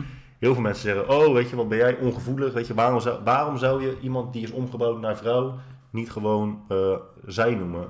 Of uh, inderdaad een genderneutrale, genderneutraal voornaamwoord te gebruiken. Maar dat zegt hij ook niet. Hij zegt duidelijk, en Ben Shapiro zegt het ook altijd duidelijk, als ik tegenover een transseksueel zit die graag wil dat ik haar of hem Ja. eh, een, eh, met een bepaald voornaamwoord aanspreek, zal ik dat ook gewoon doen. Want Ja. ik ben, ben wel gewoon een goed moreel persoon. Ja. En dan is de situatie er ook gewoon naar. Maar het is heel wat anders dat de wet, dat de overheid jou dwingt om bepaalde woorden te gebruiken. En dat is gewoon heel gek. En niet per se omdat het in die situatie gek is. Het is gek en je moet het voor zijn omdat er geen grenzen zijn dan. Want waar is dan de grens? Wat als inderdaad een andere groep op een gegeven moment zegt van ja, wij, zijn, wij willen nu aangesproken worden ehm, met eh, dat, dat we een lamp zijn. Ja, waarom zou je daar dan nee tegen zeggen? Waarom zeg je tegen het ene ja tegen het andere nee? Ja. Ja. Dan kun je echt beter gewoon geen uitzonderingen maken. Ja. Want dan is het einde zoek, Ja. denk ik. Ja. Ja. Eens. Eens. Hmm. Ga je over nadenken, hè? Ga je naar buiten kijken? Zo'n camera zo. ja, ik... ehm, en, ik zit na te denken hoe dat zich verhoudt tot ehm, je schaduwkant omarmen. Ja, ik denk, ik denk, dat het, ik denk sowieso dat, dat het een onderwerp is dat voor de meeste mensen eh, echt gewoon onbegonnen werk is. Want het, het is. Het is ook niet even, het is ook niet even een, een, een openbaring van een minuut. Hè? Het is echt iets waar je zo, zoveel mee bezig moet zijn. Ja. En als je gewoon niet houdt van filosoferen en, en gewoon nadenken. Je kunt mij gewoon op een stoel zetten midden in de kamer en dan vermaak ik mezelf wel. Ja, heb ik ook wel, ja. Ehm, ja, en de meeste mensen hebben dat niet. En dat, en dat is ook helemaal niet erg. Er is echt niets mis mee dat je dat niet leuk vindt. Maar het probleem is dus dat er dan heel veel onbegrip ontstaat vanuit mensen die dat niet hebben naar de mensen die dat wel hebben. Dus ik weet nu al dat heel veel mensen die dit horen denken, jezus, wat een stelletje debielen met z'n tweeën. Die gaan, die gaan er 100% zijn. Misschien zelfs het merendeel van de, van de mensen die Ja, luisteren, die ja. denken, jezus, wat een, Vast, wat een gekke. Ja.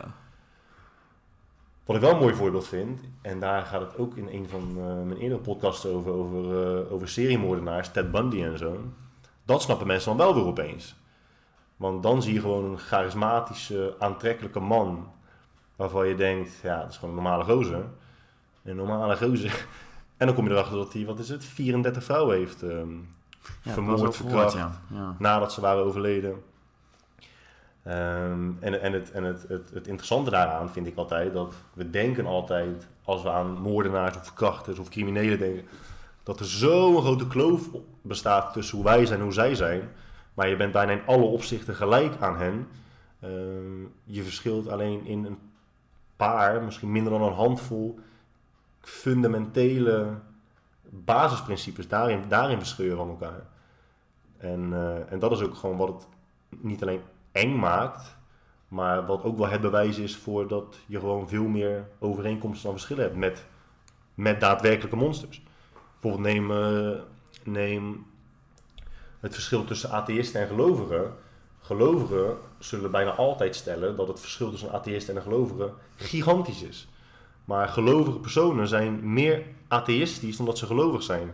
In die zin dat als je conservatief bent en zegt dat er 10.000 verschillende goden zijn in de wereld waar je, die je kunt aanbidden. ja. En als je er één hebt, dan ben je er maar één verschil. Verschil je er maar één Ja. van die... Ja, En zij kiezen er ook voor om Ja, ja. 99,99% van die goden niet te verwaarlozen. Nee, nee, die bestaat niet.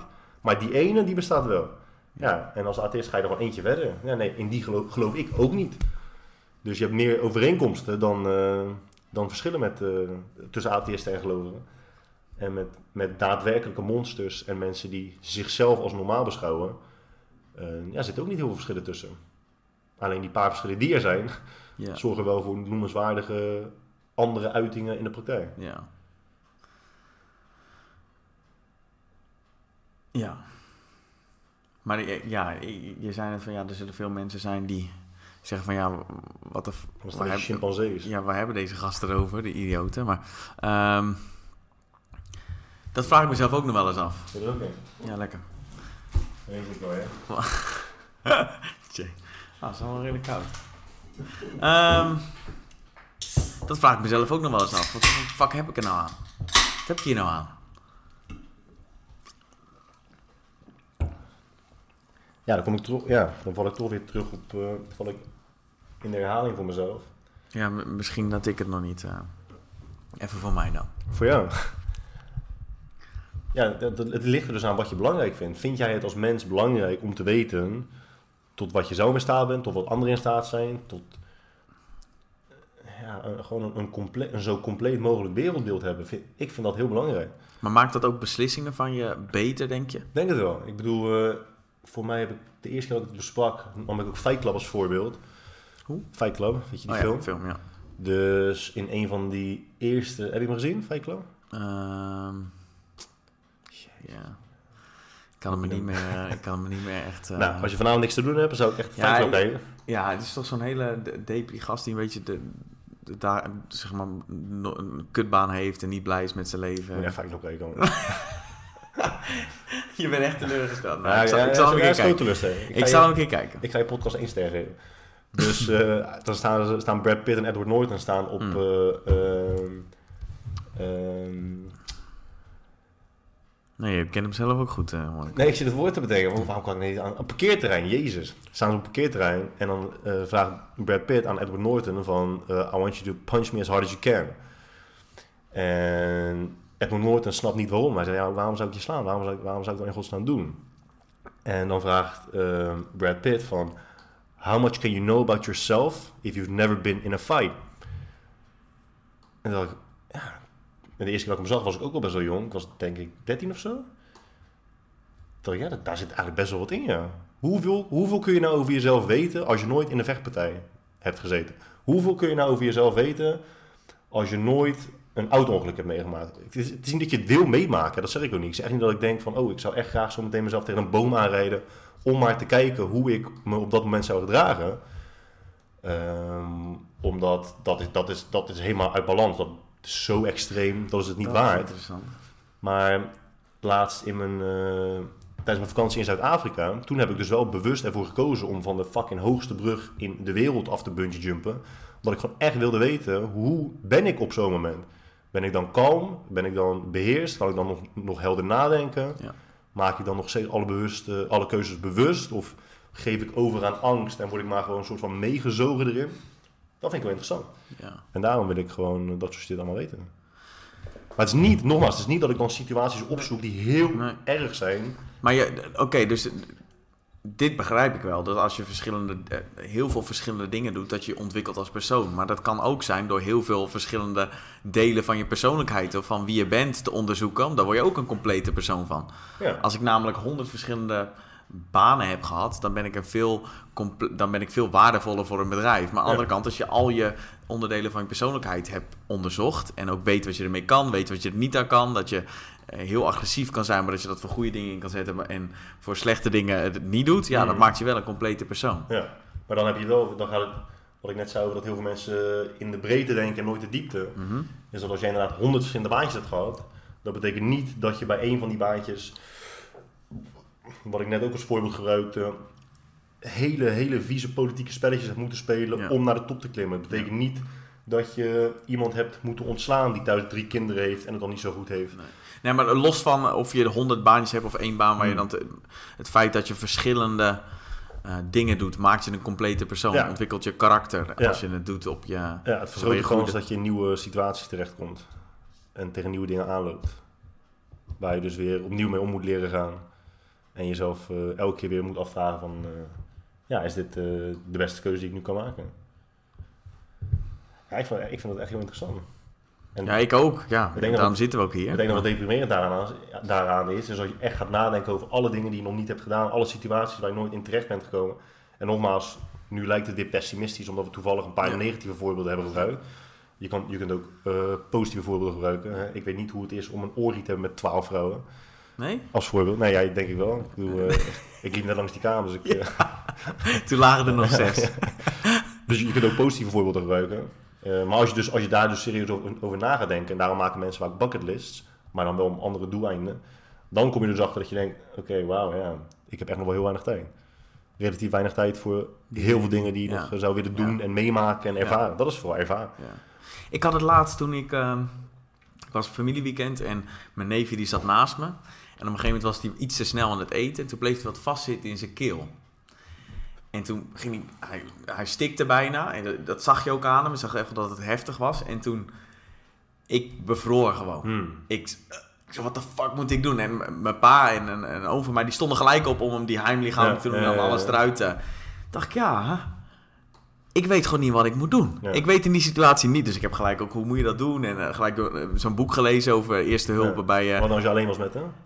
Dat bedoel ik. Dus ik ga een EBO-cursus doen. Ik moet gewoon weten hoe je moet... eh, want stel nou dat het gebeurt. Ja. Ja, ik weet nu echt niet wat ik moet doen. Dit is wel ook een voorbeeld van, oké...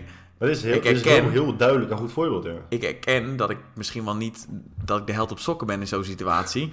Misschien omdat ik dat gewoon spannend vind. Misschien omdat ik het nog nooit heb meegemaakt. Maar misschien ook wel omdat ik Ja. niet weet wat ik moet doen. Misschien als ik weet wat ik moet doen en het gebeurt weer, dat ik dan wel opsta van hé, hey, deze situatie Ja. ken ik omdat ik ervoor getraind ben. ja. En dat is dus nu, heb je dus reactief gedaan, maar je zulke dingen kun je ook allemaal preventief doen. Ja. Ik heb, eh, ik weet niet of ik daar ooit over een podcast over heb gehad. Ja, je luistert mijn podcast, dus jij weet dat natuurlijk wel. Maar eh, dat, ik, allemaal, dat ik die verkrachting heb eh, meegemaakt op straat. Nee, dus ik, liep, ik, zal, ik, zal, ik zal een kort verhaal maken. En dat daarmee Oh, toen je met de hond aan het lopen was. Maar het is, het is een relevant voorbeeld, omdat je, als je nu 50 mensen op straat aanhoudt en zou zeggen: hé, hey, wat zou jij doen als je een verkrachting zou zien op straat? Dan zou iedereen zeggen: ja, dan zou ik de politie bellen. Dat is gewoon absoluut niet waar. En dat is dus heel irritant dat mensen dat allemaal denken. Want het bewijs daarvoor is dus ook mijn verhaal. Dat ik eh, buiten liep met de hond en ik hoorde gewoon mensen schreeuwen. Nou, en dat is in Rotterdam Centrum is dat best wel normaal. Ehm, maar goed, op een gegeven moment zag ik in de verte inderdaad een, een, een dame met drie gasten die een beetje om de heen liepen en zo. En ik kwam steeds dichterbij, steeds dichterbij. En op een gegeven moment ehm, zagen eh, twee gasten zagen dat. Of in ieder geval één, van de, één van de drie zag het. En toen werd ze een donkere hoek werd ze ingetrokken. En toen zag ik ook dat ze eh, echt de hand op de mond deden. En toen dacht ik, hier is iets niet goed. Maar het was dus tegen een studentenflat aan. Mhm. En dat studentenflatje is maar twee verdiepingen. En op de twee verdieping waren er denk ik drie of vier gasten gewoon uit het raam aan het kijken. Dus ik kwam steeds dichterbij en op een gegeven moment zagen twee gasten zagen dat. En die renden weg. En die derde gast, eh, die eh, zag het op een gegeven moment ook. Die rende ook weg, ze waren allemaal weg. Nee, sorry, ik vertel het verkeerd. Nog voordat ze wegrenden, dat is Mhm. dus het punt, zag iemand mij aankomen. Een van die studentjes die zag mij aankomen. En die zegt, hey, zal ik de politie bellen? Ja, grote vriend, wat denk je, godverdomme zelf. Ze ligt hier met de, met de broek ligt zo op, over de enkels, ligt ze hier op straat. Hè? Zal ik de politie bellen? Wat denk je zelf? Fucking idioot. Oh, maar die, die studenten die aan het Die waren gewoon aan het kijken en die deden niks. Oh, ik dacht dat die bij elkaar hoorden. Nee, nee, die waren Oh, uit het raam aan het kijken zo gewoon. Zo, oh, oh, heftig. Oh, moet je kijken. Moet je kijken, Frederik, hoe heftig dat is. Zo, hè? En dan zie je ze maar aankomen. Sure. ja, zo. Of zo, Erwin, kijk dan. Man, gek. Maar dan, ja, dan ja, zal ik de politie bellen? Nee, ik denk dat je nog even, ik denk even, ik denk dat je moet wachten op penetratie. Zodat je dan pas de Ja, verkrachting kan dat is zeker, Ja, ik wou net zeggen. Maar dan, en als, en we kunnen allebei geen gedachten lezen. Maar jij durft ook met zekerheid te zeggen dat als ik die gasten een week van tevoren dat had gevraagd. Ja, nee, dat stel je voor, jij zou hier, hier beneden, Ja. zes meter onder je, zou je een verkrachting meemaken. Wat zou je dan doen? Nou, dan zou ik gelijk naar beneden gaan. Zou ik die gast echt op mijn bek slaan. Ja. Je hebt niet eens de fucking politie gewoon. En natuurlijk denken mensen in zo'n situatie van... oh, ik hoef niet die politie te bellen, want iemand anders doet het wel. Maar dat, dat is echt het is misselijkmakend. Ik vind het echt misselijkmakend. Maar ik vind jouw voorbeeld vind ik wel een sterk voorbeeld inderdaad. Van ook in zo'n situatie. Van, ja, wat zou je doen als je kleine neefje opeens zou stikken in zijn Ja. voeding? Bijna iedereen zou zeggen, ja, oh nee, ja, dan, dan, ja, dan, dan, dan, dan, red, dan red ik hem wel. Waarschijnlijk niet. Waarschijnlijk, en dat is, nog, dat is zo'n misselijkmakende gedachte, dat als er niemand bij was, bestaat er gewoon de kans dat je Nou, de- naast je overlijdt. En dat, dat besefte ik. Ik kan het niet mijn geweten Mm. hebben dat als ik alleen ben met iemand, zeker als het een dierbare is en er gebeurt iets, dat ik gewoon niet weet wat de fuck ik Ja. moet doen. Dat kan. Nou, dat is heftig. dat is echt heftig, ja. En, maar nu begint het wel. Maar de- het feit dat je erover nadenkt, over verschillende situaties, maar ook over je eigen persoonlijkheid, maakt toch dat je, als die situatie zich voordoet, dat je anders kan handelen. Ja, en dat is de vraag, want uiteindelijk neemt instinct het meestal wel over. Dus, eh, en, en het, kijk, nu lijkt het alsof we veren in elkaars reet aan het steken zijn of bij onszelf dat aan het doen zijn, maar daar, daar gaat het niet om. Eh, het, is, het is een belangrijk voorbeeld om echt het verschil te benadrukken tussen bezig zijn met eh, je duistere kant, dus je onbelichte kant. Dus ehm, ook toen, toen mijn broertje en ik klein waren, is hij een keertje in de fik gevlogen. Toen waren we, was ik met hem. Jezus Christus. Ja, toen was ik met hem en met. eh, eh, we noemden dat altijd mijn neef en mijn nicht, maar het waren gewoon hele goede vrienden van ons. Maar die waren, ik denk, vijf of zes jaar ouder. Maar echt, echt gewoon een stuk ouder en een stuk wijzer en verstandig. Dus we gingen fikje steken. En, of fikje, fikje stoken zeg je? hè? Nou, ik weet niet. Fikkie sto- Ja. stoken. We gingen in ieder geval krant in de fik steken. En op een gegeven moment eh, komt er een vlaag wind voorbij. En die kranten die waaien over mijn broertje heen. En die heeft zo'n zo'n polyester trainingspak aan. En die vliegt in één keer helemaal in de fik. En die, ehm, die, die andere twee die erbij waren, wisten niet wat ze moesten doen. Die stonden zo verstijfd gewoon voor zich uit te kijken. Ik gooide mijn broertje op de grond en ik rol hem door het zand heen en ik sla met mijn handen uit. Tot de blaren op je handen staan, maar het vuur is in ieder geval uit bij hem. En dat verhaal vertel ik niet omdat ik dan zeg van kijk eens wat een held ik ben. Het verhaal, het punt van het verhaal is dat de onbelichte kant van de persoonlijkheden van die andere twee is dus dat ze in zulke situaties Ja, gewoon ja. echt Ja, niet weten wat ze moeten doen en gewoon niet van toegevoegde waarde zijn. Terwijl als je ze het vooraf zou vragen van oké, stel je voor een geliefde overkomt iets, kun je ze dan helpen? Ben je dan van toegevoegde waarde? Ja. Is het antwoord ja, tuurlijk sowieso. Ik zou alles doen voor mijn geliefde. Ja. Ja, totdat het daadwerkelijk gebeurt en dan blijkt dat dat gewoon echt niet het geval is. Ja. Denk je dat, ehm dat is al een persoonlijke vraag denk ik, maar dat het feit dat je de- die, twee verhalen, dus het fikverhaal en het mesverhaal, dat het een beetje de, dezelfde, ehm, want in, blijkbaar ben je in staat om als, het, als je heel boos wordt om iets vreselijks, nou ja, in ieder geval de- de- ehm, dat dat een mogelijkheid is. Aan de andere kant, als er iets heel ergs gebeurt en je moet moedig zijn en je ehm, moet iemand helpen, dan doe je het dus blijkbaar ook. Ja. Ja. In het geval van... ehm, En dat is. Ik denk, zouden die met Maar elkaar dat- te maken kunnen hebben? Dat je, dat je dus moedig kan zijn, maar ook eh, agressief kan zijn. Dat is wat Ja, Jordan Peterson ook zegt. Dat als je niet dat ene kan, dus als je niet in staat bent om vreselijke dingen kan doen, misschien ben je ook wel niet in staat om moedig te doen als het, Hmm. er, eh, als het er doet. ja, want daar sluit ook op aan. Maar het mooiste is dat het ook op video staat. Ja. Dus dat je, En mijn bek Gewoon ziet, eh, plakkerige silo. Wat lekker man. Wat daarop aanstaat is natuurlijk ook gewoon het feit dat je kunt niet onwijs veel van iemand houden zonder die persoon echt te kunnen haten. Ze kunnen niet los van elkaar bestaan. Dus ik kan mijn broertje verschrikkelijk haten. Tenminste, nee, laat ik het anders zeggen. Ik moet het beter verwoorden. Iemand die gevoelens van extreme liefde bij je los kan maken, kan ook gevoelens van extreme haat Ja, bij je losmaken. ja, ja. Er is niemand in de wereld die. Ja, er zijn wel mensen die ervan overtuigd zijn dat als iemand je broertje is of als iemand je moeder is, dat je dan alleen maar tot liefde in staat zou zijn. Dat is natuurlijk gewoon gelul. Het slaat nergens op. Ehm, dus in die zin ja, want, want extreme liefde en extreme haat zorgen dan ook weer voor de gepaste ehm, handelingen of acties in bepaalde situaties. Dus ik denk, ik denk wel dat dat inderdaad met elkaar te maken heeft.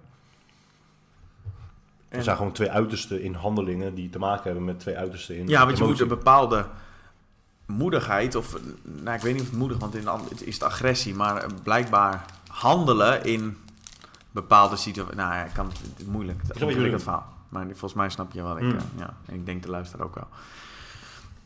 Dus je, je zegt net dat als je van iemand heel veel houdt, dan moet je ook houden van betekent ook dat je iemand kan haten. Dus heel veel houden van iemand betekent ook dat je iemand heel erg kan haten. Ja, maar daarom verwoord ik het net heel even anders, omdat anders mensen dan eh, het weer verkeerd interpreteren. Die denken dan, oh, dus jij houdt van je vriendin heel veel, maar je haat, dan haar, ook, je haat, haar, dan ook, je haat haar dan ook eh, wel af en toe. Dat is niet mijn punt, hè? Niet dat jij dat zegt, maar Nee. Mijn vriendin is in staat om echt extreme gevoelens van liefde in me los te maken. Dus zij is per definitie ook in staat om het tegenovergestelde. Ja. Ik bedoel, als, als jouw vriendin Ja. tegen mij zegt Ja. dat zij is vreemd gegaan in de relatie met jou, ja, oké. Ja, oké, omdat ik jou toevallig ken, maar dat interesseert me niet zo heel nee, veel. nee. Eh, want ik hou niet van haar, dus ik kan haar ook niet haten voor de dingen die ze doet. Nee. Ja, ik wou net zeggen, als mensen gaan scheiden en dat gaat in een. eh, er is iets gebeurd wat, wat de ene hartstikke vreselijk vindt. Ja, dan zie je Hmm. vaak dat het echt Ja. met heel veel haat kan gaan. Nu zit ik aan de andere kant. Ja, maar nu zit ik te denken. Want oké, stel je voor je ziet op tv een of andere kindermoordenaar. Ik vraag me dan echt af of mensen daadwerkelijk... Ik heb het vaak ook gehad over ehm, eh, algoritmes of oprecht emotie ervaren. Dus stel je voor je kijkt op tv naar een kindermoordenaar.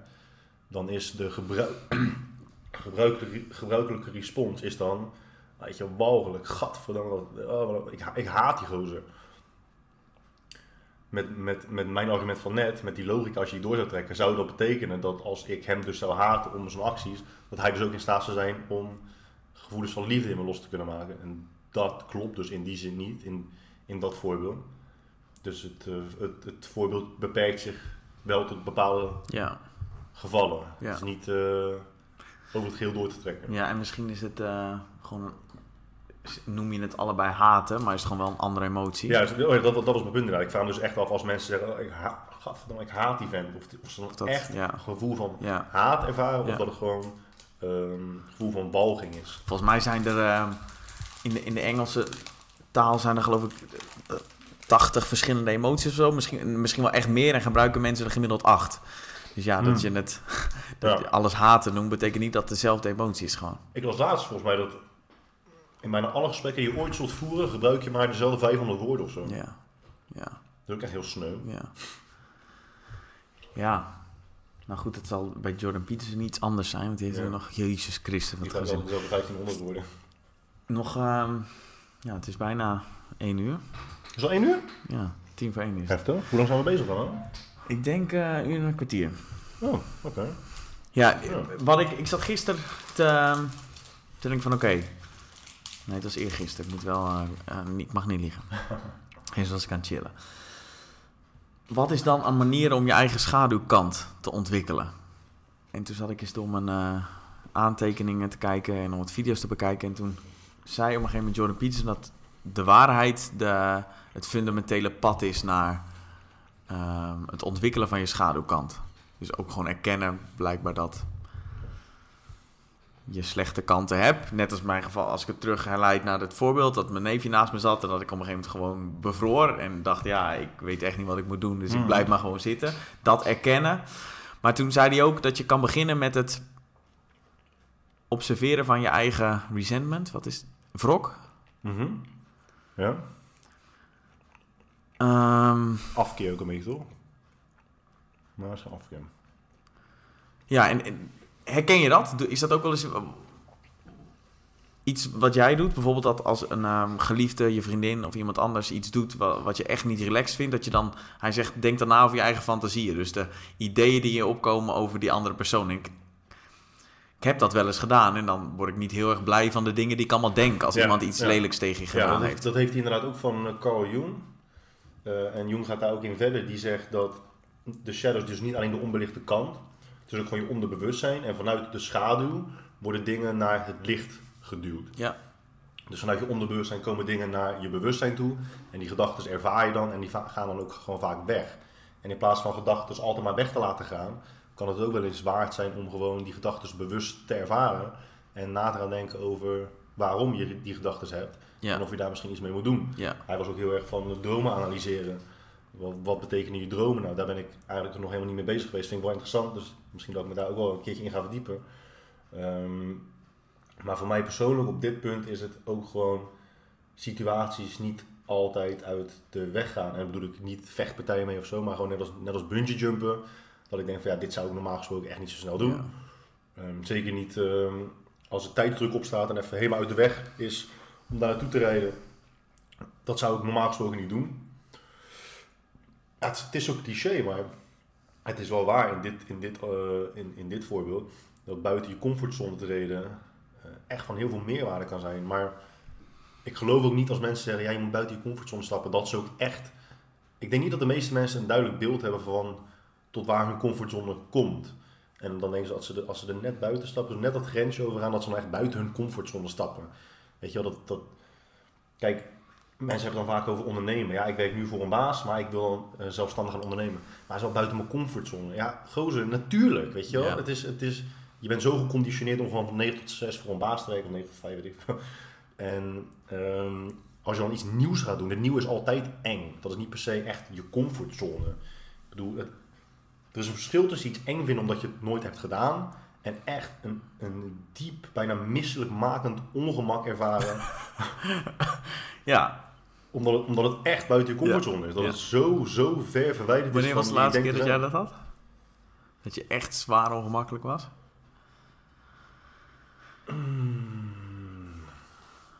Ja, ik, was, ik was dus, ik dacht dat dat wel zou zijn met de bungee jumpen, maar daar was ik echt verrassend uh, kalm. kalm. Heb je hoogtevrees dan? Uh, ik had, ja, dat is eigenlijk een heel stom verhaal, maar uh, ik had altijd heel erg hoogtevrees. En toen heb ik één keer een hypnose sessie gedaan en toen had ik opeens geen hoogtevrees meer. Ja, dat is heel, heel gek. Maar het grappige is nog dat ik die hypnose sessie niet eens heb gedaan met de intentie om hoogtevrees af te komen. En ik, waarschijnlijk zoek ik gewoon naar een uh, soort van bruggetje tussen het hoogtevrees hebben en geen hoogtevrees hebben. En dat ik niks anders kon vinden dan gehypnotiseerd worden. Um, dat is apart, hè?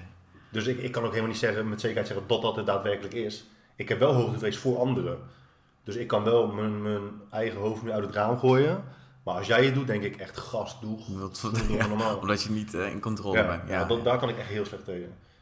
Maar wat is de laatste keer dat ik me echt ongemakkelijk heb gevoeld?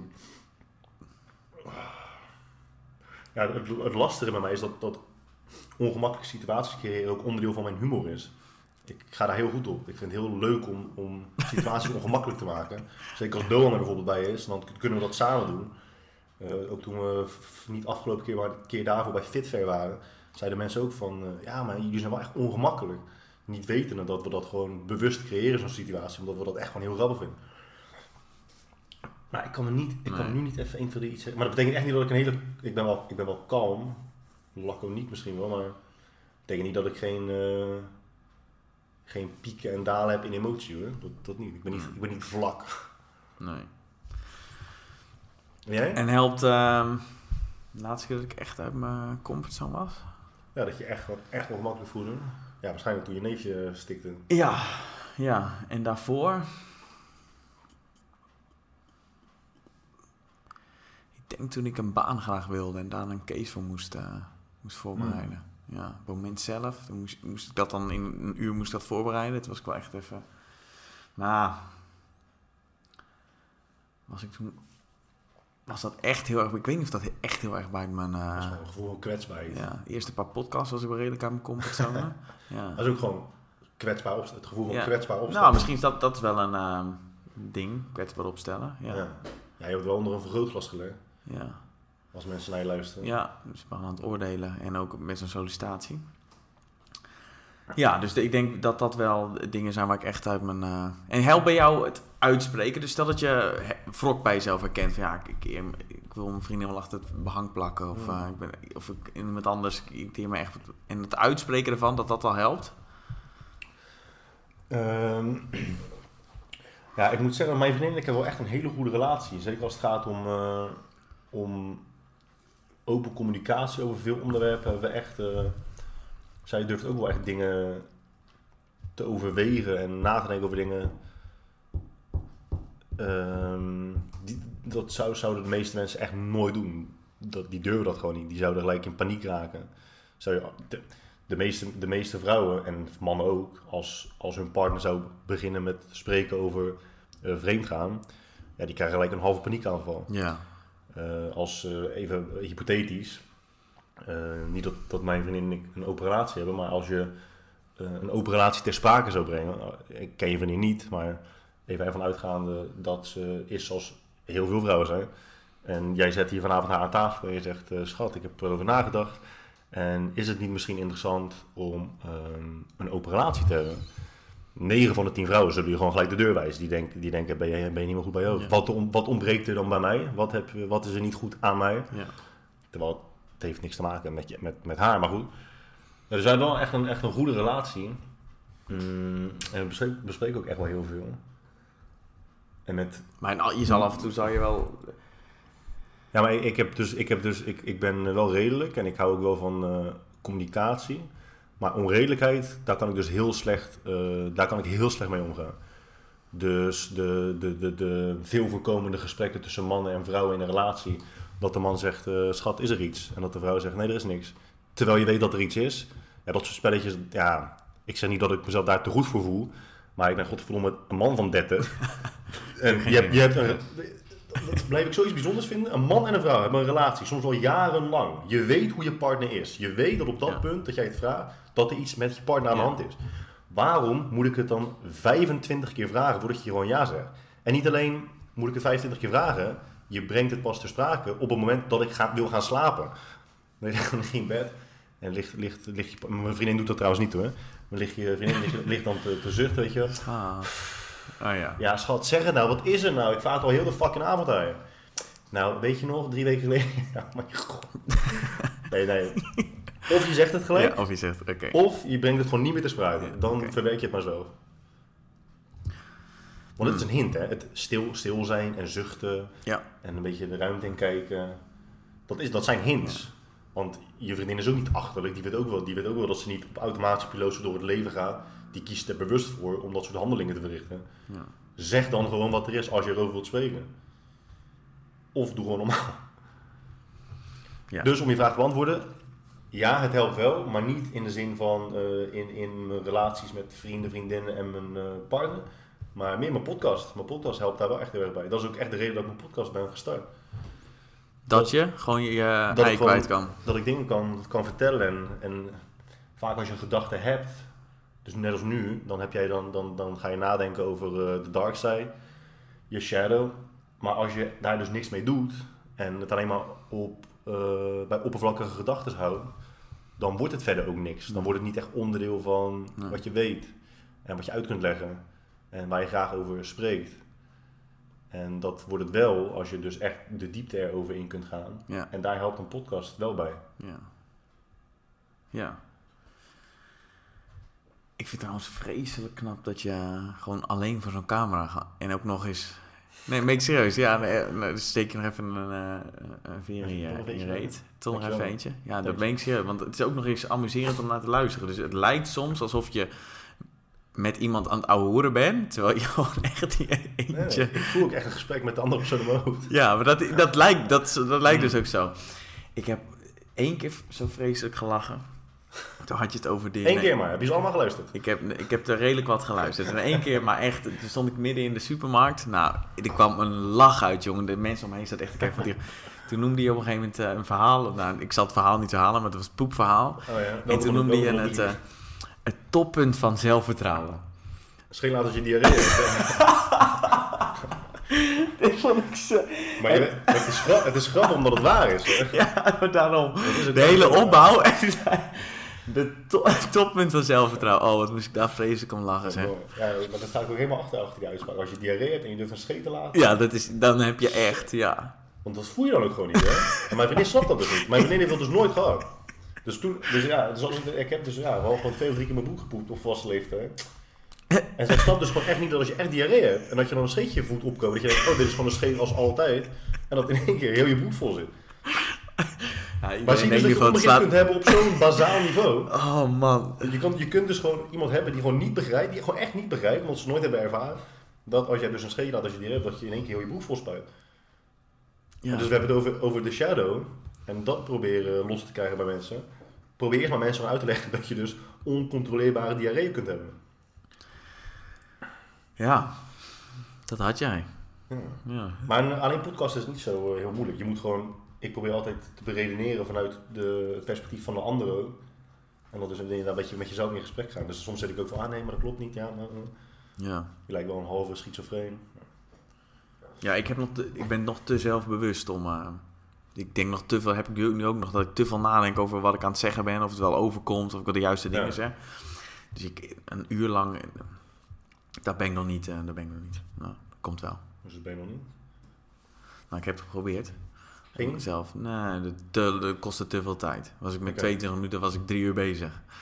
Dat ik, dan ik een stukje gedaan en denk, ja, het slaat nergens op. Dus ook misschien wel een beetje dat ik het, Ja, maar jij vindt het nergens op slaan, hè? ja. Nou, fair enough. Maar ik moet, wel, ik moet het wel erachter staan als ik het Mm. internet op eh, pleur, zeg maar. Ja, maar als je, dus, als je dus een podcast opneemt en je zegt, ja jongens, sorry, dit slaat nergens op. Dan kunnen anderen misschien reageren met waarom Ja. het nergens op slaat en hoe het misschien beter kan. Voilà. Ik heb ook eens een podcast opgenomen dat ik eh, dacht, ja, dit is zo'n kut podcast. Dit gaat helemaal nergens over. En dan mensen tegen zeggen, zo, dat is echt een tof podcast. Dat ik ook denk, ja, uiteindelijk, je doet het wel voor jezelf. Maar je denkt er natuurlijk zelf ook heel anders over na dan, je luisteraars doen. Ja. En je kan niet altijd fucking Champions League niveau spelen. Nee. Niet dat mijn podcast Champions League niveau is, maar voor mijn eigen gevoel. Ja. Jong, Ja. Jordan Peterson, Guy Droog. Guy Droog, hè. Fucking Nobelprijswinnaar Guy Droog. Hey, het is, ehm, het twee over één. Ja, ik vond het leuk, man. Ik ook. Thanks voor je, voor je tijd, Graag gewoon. gedaan, man. Jij ook.